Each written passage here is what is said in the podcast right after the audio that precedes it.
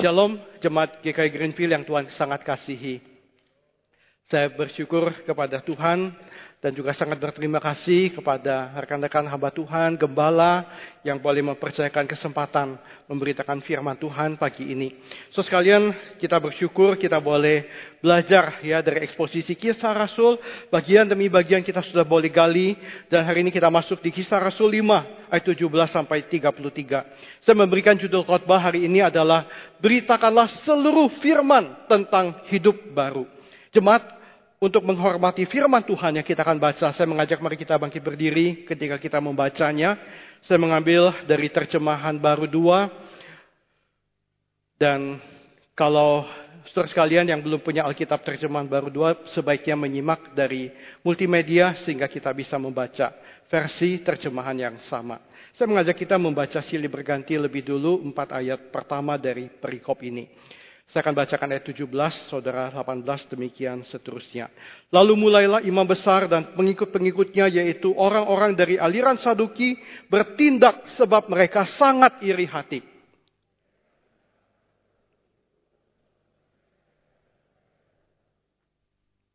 Namun pada malam hari, seorang malaikat Tuhan membuka pintu-pintu penjara itu dan membawa mereka keluar. Katanya,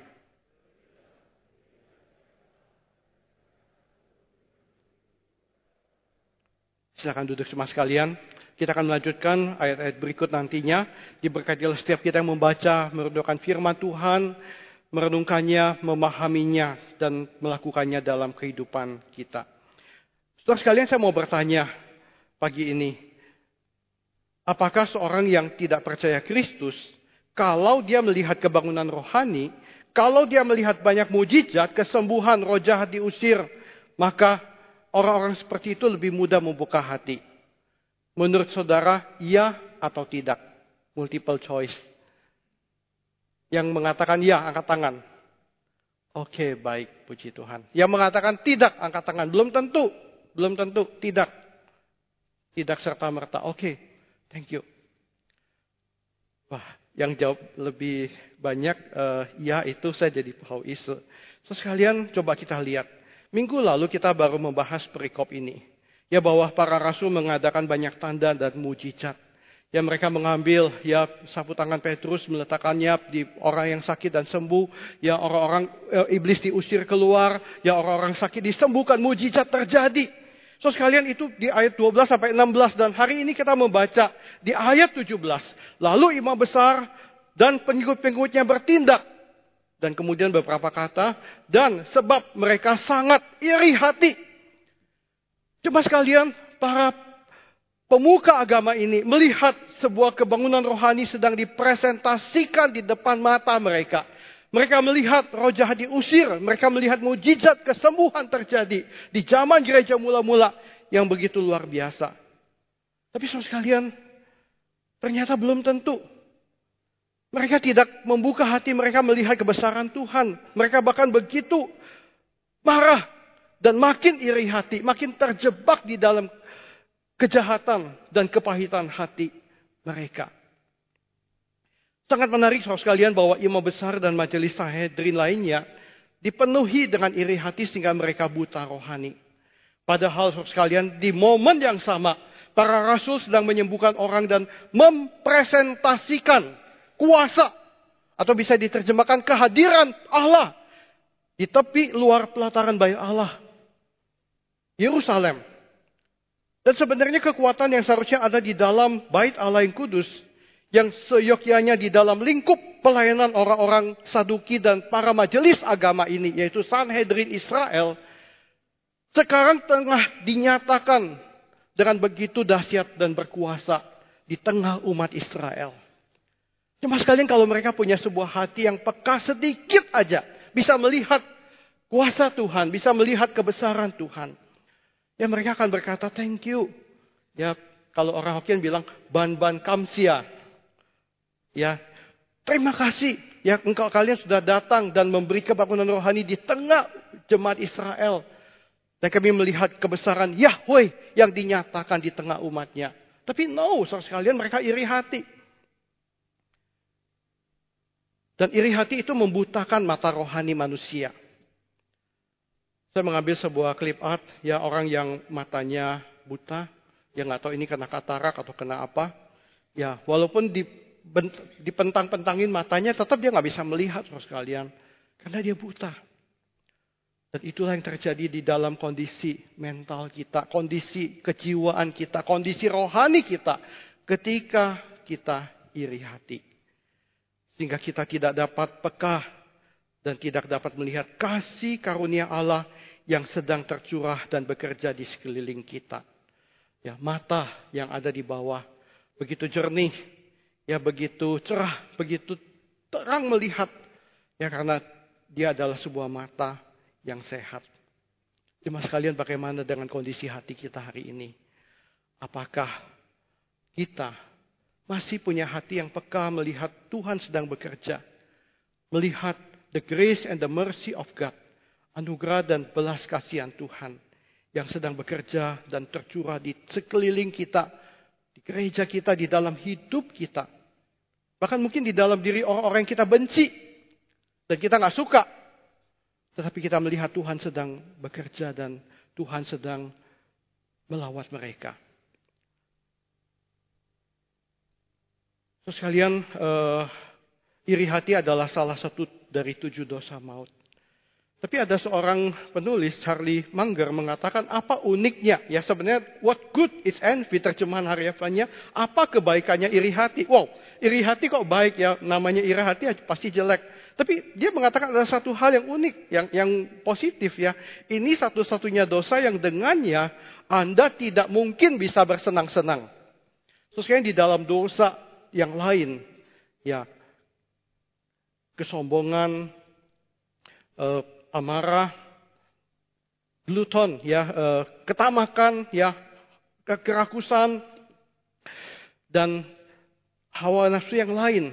So sekalian ketika manusia jatuh di dalam dosa-dosa itu, ya mereka sedang memuaskan hawa nafsu mereka. Dan untuk sejenak, sejenak saya katakan ya. Mereka seperti sedang dibius oleh sebuah morfin atau obat bius yang meninabobokan. Membuat mereka fly, membuat mereka begitu senang di dalam dosa mereka. Dan itu sebabnya ada banyak orang yang ketika sampai pada momen mereka dikonfront oleh firman Tuhan, mereka belum tentu mau langsung bertobat. Mereka mengatakan, entar dulu deh, gue masih senang main-main dengan dosa ini. Ini dosa yang favorit banget. Sampai Tuhan betul-betul harus memukul, menghajar, dan mencewer mereka. Mungkin baru mereka bertobat. Tapi dosa iri hati bukan sebuah dosa yang bisa dinikmati. Ya orang yang sedang terjerumus di dalam dosa iri hati. Di momen detik pertama ketika dia jatuh di dalamnya. Dia sudah sangat menderita dan disiksa. Ya. Joseph Epstein, ya seorang penulis uh, uh, di koran Amerika juga orang Kristen, ya dia juga punya sebuah uh, komen yang sama. Di antara tujuh dosa maut hanya iri hati yang tidak menyenangkan sama sekali. Dan cuma sekalian saya mengajak mari kita boleh merefleksikan dari pelajaran dari para Sanhedrin dan imam kepala. Apakah hari ini sebagai umat Tuhan kita ada di dalam kondisi iri hati? Mungkin tidak di dalam konteks kehidupan beragama dan bergereja seperti pada zaman gereja mula-mula. Tapi hari ini kita adalah manusia yang sangat lemah dan sangat rapuh. Ketika kita melihat keberhasilan orang lain, kita melihat sukacita, kesenangan orang lain, kesuksesan orang lain, kekayaan orang lain. Mungkin kita bisa jatuh di dalam situasi ini. Atau, saudara sekalian, hari ini engkau sebagai umat Tuhan kita sedang mempresentasikan dan memberitakan kebaikan Tuhan kepada semua orang di sekitar hidup kita. Seperti para rasul-rasul di gereja mula-mula. Cuma sekalian saya berdoa biarlah kita boleh ada di kondisi yang kedua. Kita boleh punya spirit, kita punya hati. Seperti Rasul Petrus dan para rasul-rasul di gereja mula-mula. Di tengah-tengah sebuah tekanan yang tidak mudah dan berat kita tetap hidup menyaksikan kebesaran Tuhan dan kebaikan Tuhan. Cuma sekalian beberapa hari yang lalu saya membaca sebuah artikel di Church Leader, majalah Church Leader, sangat menarik. Dikatakan uh, di uh, artikel ini ditulis oleh seorang uh, penulis dan dosen dan juga hamba Tuhan bernama Ed Stetzer. Ya dia pelayanan di Wheaton College, ya alma maternya pendeta Rico. Dan dia juga adalah seorang yang melayani di Billy Graham Center, seorang penulis yang cukup kritis. Dan karena ini ditulis oleh seorang evangelical, ya dan ada di sebuah majalah churchleader.com yang representatif, saya tertarik untuk membacanya. Dia menulis begini, Pentecostal, how do they keep growing while other groups are declining? Dia, dia menyoroti satu hal, di dalam kondisi 10-20 tahun terakhir ini, ya bagaimana uh, teman-teman kita dari aliran Pentakostal tetap bertumbuh dan makin besar. Sedangkan denominasi-denominasi lain sedang merosot. Wow, saya mengatakan ini sesuatu yang saya mesti baca. Ya, dan dia memberikan banyak statistik. Saudara sekalian kita melihat di sini ya Evangelical Lutheran Church of America yang merosot di dalam 30 tahun terakhir 41 persen. United Methodist Church merosot 31 persen dari tahun 90 sampai tahun 2022. Uh, eh, Southern Baptist Convention ya uh, sinodenya gereja Rick Warren yang lagi rame kemarin Ya, sempat mengalami pertumbuhan sampai tahun 2005, tapi kemudian mengalami kemerosotan yang tajam. Ya, dan saat ini sedang dalam kondisi yang cukup berat karena terjadi perpecahan dan beberapa jemaat keluar dari denominasi ini. Menyedihkan saudara sekalian. Tapi Ed Stetzer mengatakan dari statistik gereja-gereja Pentakostal dan karismatik tidak banyak yang punya data yang rapi karena mereka bukan gereja yang rapi. Mereka bukan gereja yang senang berdenominasi. Hanya ada satu angka yang bisa diambil yaitu dari Assembly of God, sidang jemaat Allah di Amerika. Tadi mengatakan sangat menarik. Ya di tahun 90 mereka itu baru jemaatnya 2 juta. Tapi di tahun 2020 mereka sudah naik jadi tiga setengah juta. Naik 51 persen. Wow. Dan dia mengatakan for sure walaupun kita nggak punya data-data yang lain. Gereja-gereja di dalam aliran ini juga sedang bertumbuh. Wow. Tapi Ed Stetzer nggak sembarang ngomong. Dia nggak ngomong, oh karena mereka punya banyak mujizat, banyak. Enggak, so sekalian. Dia orang evangelical yang membahas dengan sangat baik. Dia mengatakan salah satu hal yang dia amati adalah bahwa gereja-gereja denominasional yang mainline, segala kebijakan, segala gerakan penginjilan bukan lagi berasal dari sebuah hati yang sungguh-sungguh antusias. Segala kebijakan itu top down dari atas ke bawah. Tetapi gereja-gereja uh, Pentakostal tidak ada istilah top down, tidak ada denominasi yang sangat kuat selain Assembly of God. Tetapi mereka selalu bottom up. Mereka digerakkan oleh passion yang dari Tuhan. Di dalam keterbatasan yang ada di dalam kekurangan mereka, mereka berdoa. Mereka mencari Tuhan, mereka berjuang memberitakan firman Tuhan.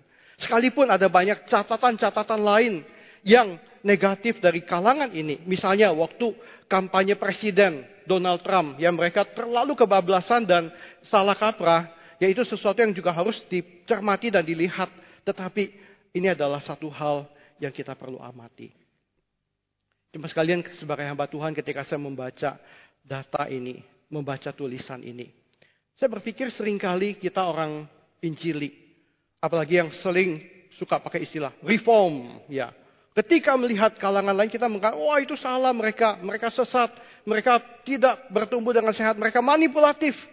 Kita cenderung melemparkan hal-hal yang negatif ketika kita meresponi pertumbuhan teman-teman kita dari aliran yang lain. Dan jangan-jangan, sorry to say, so sekalian, kita sudah jatuh di dalam sebuah spirit yang sama seperti Sanhedrin dan imam kepala Yahudi di zaman dulu. So sekalian kalau itu adalah gereja Tuhan, mari kita melihat dengan lebih cermat. Kita mesti belajar dengan baik Seorang penulis mengatakan tidak semua masalah bisa kita hadapi. Itu bila kita hadapi akan selesai. Tidak semua masalah bila dihadapi akan selesai. Tetapi untuk mengatasi sebuah masalah, for sure kita harus berani melihat itu dan menghadapinya. Dan berhadapan dengan kondisi kekristenan yang menghadapi tantangan yang makin besar dan makin besar di tengah generasi ini. Ketika ateisme makin kuat ketika LGBT makin merangsek masuk ke setiap sendi-sendi kehidupan masyarakat. Kita menghadapi tantangan yang besar, saudara sekalian. Dan kita mesti berani melihat dan menghadapi masalah ini. Dan kita berdoa minta belas kasihan Tuhan kepada kita. Cuma sekalian saya mengajak mari kita melihat bagian Alkitab berikut. Saya mengajak mari kita kembali bangkit berdiri untuk membaca firman Tuhan secara silih berganti. Saya akan bacakan ayat 21, surah ayat 22, demikian seterusnya. Setelah mendengar pesan itu menjelang pagi masuklah mereka ke dalam bait Allah lalu mulai mengajar di situ. Sementara itu imam besar dan pengikut-pengikutnya menyuruh mahkamah agama berkumpul, yaitu seluruh majelis tua-tua bangsa Israel. Dan mereka menyuruh mengambil rasul-rasul itu dari penjara.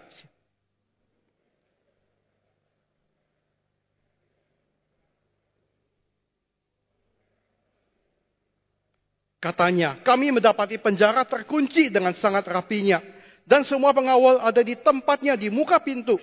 Tetapi setelah kami membukanya, tidak seorang pun yang kami temukan di dalamnya.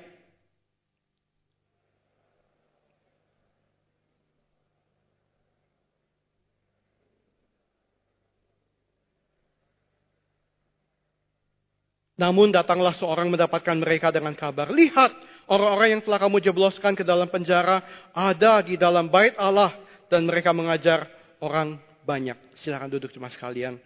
So sekali saya mengajak kita membandingkan ya di sebuah komentar yang sangat menarik uh, penafsir ini membandingkan apa yang dikerjakan para rasul dan para imam besar dan majelis agama.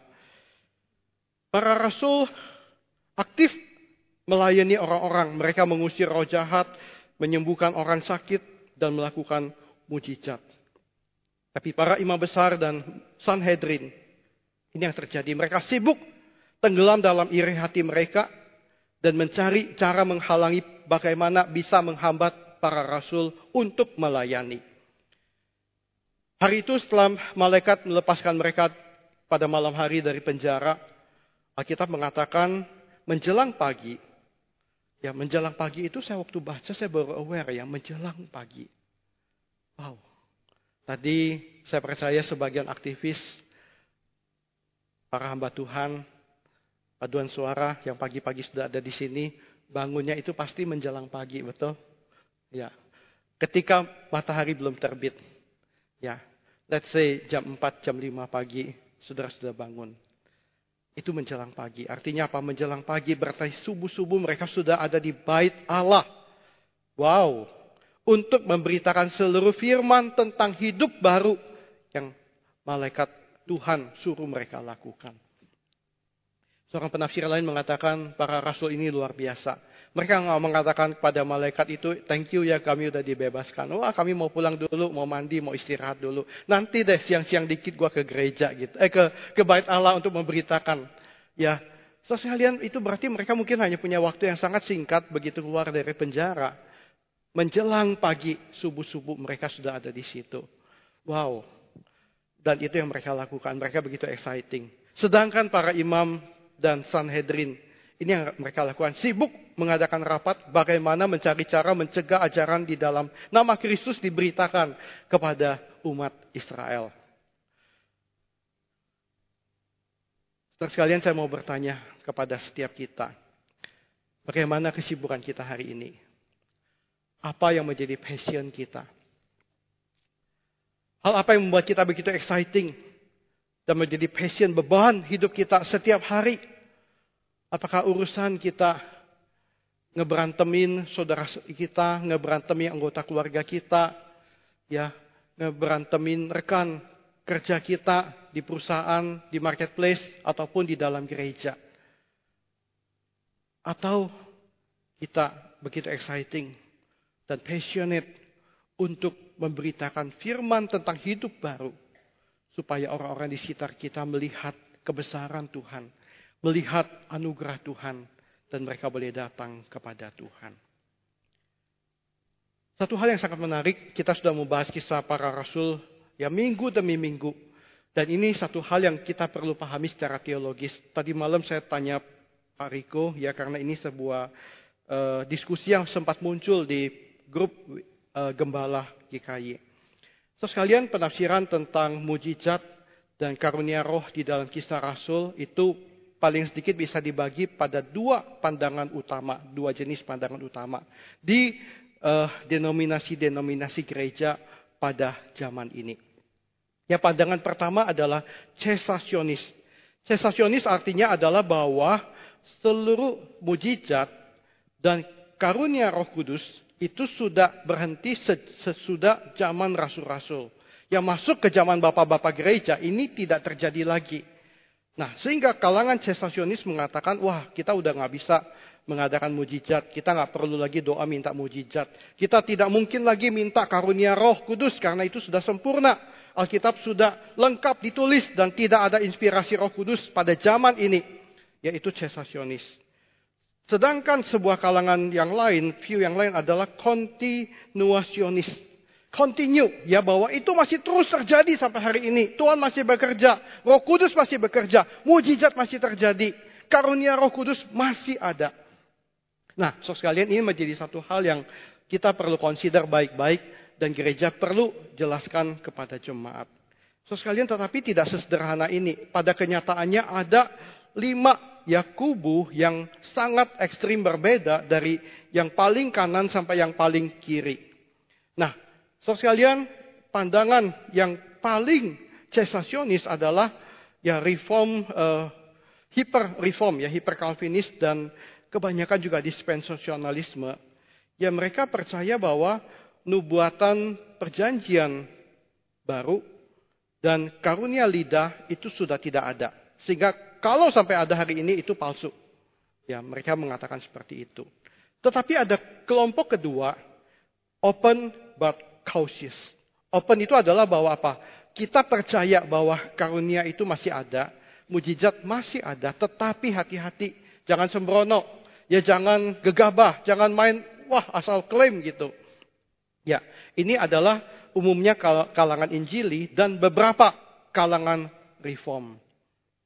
Nah, di dalam uh, kelompok ini kita percaya bahwa uh, wahyu Alkitab itu sudah tidak ada. Ya, karena Alkitab sudah lengkap ditulis sehingga tidak ada seorang dapat mengatakan saya mendapatkan pewahyuan baru. Kalau itu pewahyuan berarti dia mesti menambah kitab sesudah kitab wahyu. Wah, itu bahaya saudara sekalian. Ya, yang ada adalah pencerahan Roh Kudus. Roh Kudus tetap bekerja memberi pencerahan iluminasi sehingga waktu kita baca Alkitab kita mengerti. Kita mendapatkan tuntunan Roh Kudus ketika kita berdoa Tuhan menuntun hati kita. Tuhan memimpin langkah kita. Dia tetap hidup, kita percaya itu. Kita percaya mujizat masih ada ketika Tuhan berkehendak melakukannya dan menyatakan anugerahnya. Itu sebabnya kita berdoa. Ada orang yang sakit, kita tetap berdoa minta kesembuhan di dalam iman. Dan sometimes Tuhan menjawab dan memberikan mujizat itu. Itu masih ada. Tetapi cautious, hati-hati. Jangan sembrono. Ada kalangan yang lebih konsisten, kontinuasionis, artinya kelompok yang kontinuasionis tetapi lebih uh, hati-hati juga, lebih menjaga juga. Ya, jadi sesosionis yang cautious ini kontinuasionis yang cautious. Beberapa kalangan Pentakosta, beberapa karismatik, dan beberapa reform karismatik. Dan ada juga yang inkonsisten, kontinuasionis, ya, yang sudah cukup gegabah. Ya, yang masih percaya nubuatan perjanjian baru masih ada. Ya, karunia lidah adalah untuk hari ini dan mutlak harus dialami semua orang. Nah itu, ya. Nah, sekalian dan kemudian ada satu kelompok lagi adalah radikal kontinuasionis. Yang mereka sangat berbahaya karena percaya bahwa kanonisasi pewahyuan Alkitab masih terbuka. Sehingga sangat mungkin ada kitab yang lain. Contohnya Mormon, mereka punya Alkitab baru, ya punya kitab tambahan sesudah selain Alkitab, ya dan banyak kalangan-kalangan gereja yang lain. Nah, so sekalian, terus GKY ada di mana? Ya kemarin para gembala sepakat ya. GKY bersama juga dengan let's say misalnya pandangan pendeta Stephen Tong ya GRII adalah di posisi open but cautious. Ya kita percaya mujizat masih ada, kita percaya karunia roh masih ada, tetapi kita harus melihat, kita harus mendoakannya, kita harus mempraktekannya dengan sangat hati-hati dan nggak boleh gegabah. Ya. Mudah-mudahan ini menjadi satu penjelasan yang menolong kita. Kita lanjutkan, kita akan bacakan uh, perikop terakhir ayat 26 sampai 33. Saya mengajak mari kita kembali bangkit berdiri untuk membaca bersama. Kemudian pergilah kepala pengawal serta orang-orangnya ke bait Allah, lalu mengambil rasul-rasul itu, tetapi tidak dengan kekerasan karena mereka takut kalau-kalau orang banyak melempari mereka dengan batu.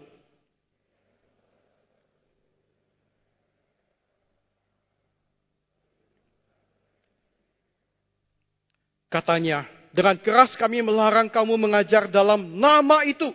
Ternyata kamu telah memenuhi Yerusalem dengan ajaranmu dan kamu hendak menanggungkan darah orang itu kepada kami. Dan sebelum saudara membaca, berikut ini apa yang kita akan baca adalah sebuah tipikal khotbah ya dari para rasul di kitab kisah para rasul. Mereka selalu memberitakan tentang Tuhan Yesus yang disalibkan oleh Israel, yang mati, yang bangkit, yang kemudian mereka adalah para saksi Ya dan Tuhan sedang mencurahkan rohnya memberikan uh, kebangunan bagi umat Israel. Dan ini juga muncul di bagian ini. Silakan dua, tiga.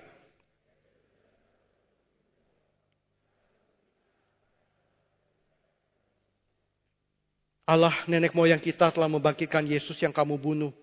Dengan menggantung dia pada kayu salib.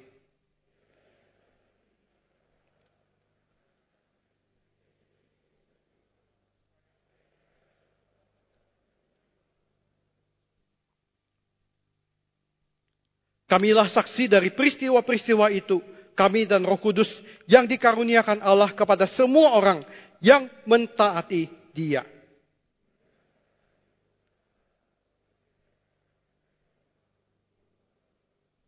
Silakan duduk semua sekalian. Sekali lagi kita melihat sebuah uh, kebenaran dari realita manusia berdosa ada di depan mata kita.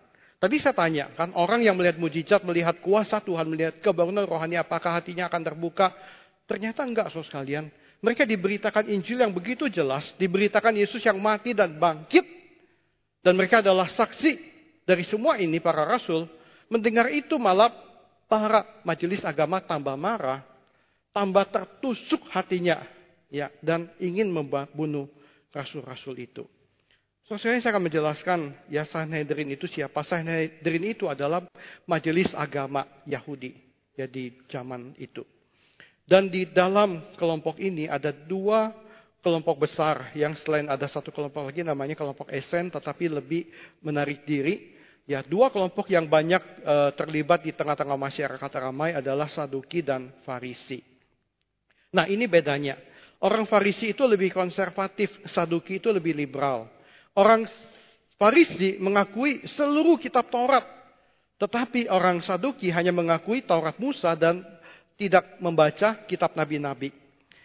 Orang Farisi lebih dihormati oleh banyak grassroots atau rakyat bawah yang sederhana. Karena mereka lebih konsisten, ya tetapi orang Saduki dari kelompok yang lebih elit, yang lebih banyak bermain politik, lebih hidup dalam kemewahan, cenderung ya tidak disukai oleh rakyat banyak. Orang Farisi kebanyakan melayani dan menguasai sinagog-sinagog khususnya yang ada di Galilea. Orang Saduki ya karena elit ya mereka lebih banyak berkuasa di bait Allah. Ya makanya kisah ini terjadi di bait Allah.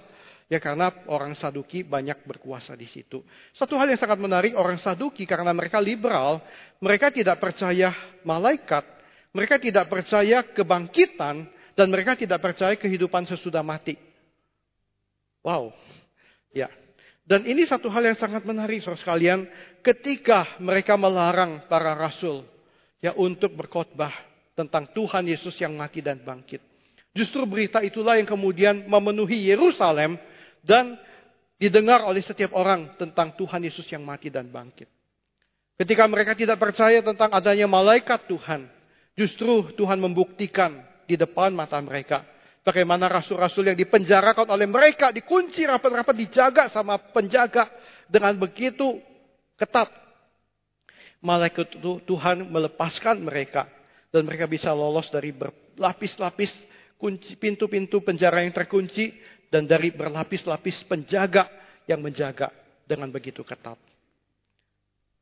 Dan ketika mereka melihat itu, hati mereka tetap tidak tergerak untuk percaya Tuhan. Tapi mari jemaat sekalian, saya, di akhir khotbah ini saya akan mengajak kita belajar tentang spirit penginjilan dari para rasul. So, sekalian tadi saya sudah bertanya apakah kita hidup di dalam iri hati. Baik di dalam kondisi pribadi kita atau melihat denominasi gereja yang lain. Apakah hari ini kita uh, digerakkan oleh exciting, ya passion untuk memberitakan kasih karunia Tuhan kepada banyak orang yang membutuhkan anugerah Tuhan dan kita boleh menyaksikan itu kepada orang di sekitar kita. Hari ini saya akan uh, menyaksikan seorang pendeta yang berkhotbah dari corong pembuangan kotoran di penjara. Di penjara itu ada pipa parolon dari kloset dan sering kali di zaman dulu kloset itu kering dan pipanya itu bisa tembus. Dan dia berkhotbah dari jaringan pipa itu ke sel-sel ruangan yang lain untuk didengar para narapidana yang lain di penjara yang sama dengan dia. Siapa orang ini? Dia adalah pendeta Wang Mingtao. Wang Mingtao hidup dari tahun 1900 sampai 91. Ya, jadi dia total berusia 91 tahun. Sebelum tahun 55, dia adalah seorang pendeta yang sangat aktif, ya yang uh, memimpin sebuah gereja yang sangat dinamis dan bertumbuh, ya yang sangat evangelical, ya dan dia sangat uh, menolak kelompok-kelompok liberal yang menurut dia merusak ya iman orang percaya. Tapi kemudian ketika uh, komunis bangkit, dia ditangkap, dimasukkan penjara. Seorang pendeta yang sangat passionate berkhotbah dan melayani Tuhan memberitakan Injil dengan begitu semangat di penjara selama 25 tahun. Ya beberapa gereja tertentu pendeta itu kalau sudah 25 tahun boleh mengajukan pensiun dini. Kalau di GKI katanya 30 tahun. Pendeta Riko mungkin sudah lebih dari 25 tahun, tapi belum 30 ya Pak ya? Belum. Bayangkan saudara sekalian, orang-orang dengan uh, perjalanan pelayanan seperti Museriko dan saya yang sudah eh, uh, 25 tahun lebih sedikit. Yaitu kalau 25 tahun tinggal di dalam penjara gimana ceritanya. So sekalian dan itu adalah sebuah siksaan yang sangat besar bagi dia. Dia mengatakan ketika di penjara dia nggak boleh bawa Alkitab. Dia nggak punya radio. Dia nggak punya kertas. Dia nggak punya pena. Sehingga apa yang dia lakukan adalah dia menghafal mengingat ayat-ayat Alkitab yang ada di dalam memorinya dan mengulangnya setiap hari supaya dia tidak lupa. Dia hidup bergaul dengan Tuhan, berdoa, bersekutu dengan Tuhan hari demi hari, bulan demi bulan, tahun demi tahun. Tapi kemudian satu hari dia melihat kloset penjaranya. Ya mungkin kloset penjara di Tiongkok di zaman Wang Mingtao dulu ya sangat kumuh ya dan mungkin jauh lebih bagus dari kloset ini. So sekalian dan dia melihat ada lubang ya di klosetnya dan juga ada lubang pembuangan air di lantai.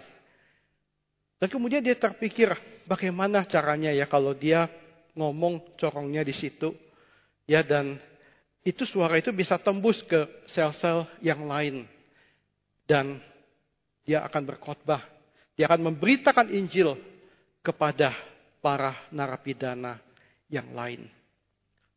Dan sesudah dia berdoa, dia melakukan itu. Tahun demi tahun. Serta apa yang terjadi? Di sepanjang zaman Wang Mingtao dipenjarakan. Dia berhasil memenangkan lagi puluhan orang narapidana yang tetanggaan sel kamar dengan dia. Yang mendengar khotbah penginjilan yang dia sampaikan lewat corong pembuangan air dan itu diberkati Tuhan dengan penuh kuasa untuk membawa jiwa-jiwa datang kepada dia. Jemaat Tuhan yang saya kasihi. Saya percaya hari ini hidup kita tidak senelongso Wang Mingtao di penjara zaman itu. Amin. ya, kita hidup di dalam anugerah Tuhan, pemeliharaan Tuhan, berkat Tuhan yang cukup dan nyaman. Tetapi kita punya sebuah berita yang sama, yaitu berita Injil yang Tuhan percayakan kepada kita. Saya berdoa kepada Tuhan pagi ini. Kiranya Tuhan menolong kita supaya kita tetap dibangkitkan kembali sebuah passionate kita. Untuk kita boleh menceritakan kebaikan Tuhan dan anugerah Tuhan. Kepada siapa pun yang ada di sekeliling kita. Sehingga mereka boleh melihat Kristus yang telah menebus dan menyelamatkan kita. Mereka boleh melihat Tuhan yang telah mengasihani kita dan memberikan anugerahnya kepada kita. Dan mereka boleh mengalami perjumpaan dengan Tuhan. Bagaimana kita telah dibawa oleh Tuhan berjumpa dengan dia. Mari kita berdoa. Bapa di surga kami bersyukur untuk firman Tuhan dari kitab kisah para rasul yang kami boleh baca dan kami renungkan. Bapa, hamba berdoa untuk setiap umatmu di tempat ini. Tuhan kuduskan hati kami. Tuhan bersihkan hati kami dari kedagingan, dari kejahatan manusia dan dosa-dosa kami yang bisa membutakan mata rohani kami dan membuat kami tidak melihat kebesaran anugerah Tuhan dan keajaiban kasih Tuhan yang begitu luar biasa. Bapak berikan kami hati yang peka, hati yang lembut, hati yang hidup Berikan kami hati yang passionate untuk boleh memberitakan anugerah dan kasih Tuhan di dalam hidup kami. Dan Bapak biarlah Tuhan di tengah zaman ini ketika gereja Tuhan dan iman Kristen mengalami banyak serangan dari mana pun juga di tengah-tengah masyarakat dan dunia luar. Tuhan kami boleh tetap kuat, kami tetap berpegang teguh kepada janji dan panggilanmu. Dan kami boleh memberitakan di tengah-tengah zaman di mana kami hidup kepada dunia di mana kami berada anugerah dan berita Injil Kristus nama Tuhan yang berkuasa yang telah menyelamatkan setiap kami. Bapak jadikan ini sebagai sebuah dorongan bagi kami setiap hari untuk kami berjalan bersama Tuhan dan melakukan apa yang Tuhan mau. Demi nama Tuhan Yesus kami berdoa. Amin.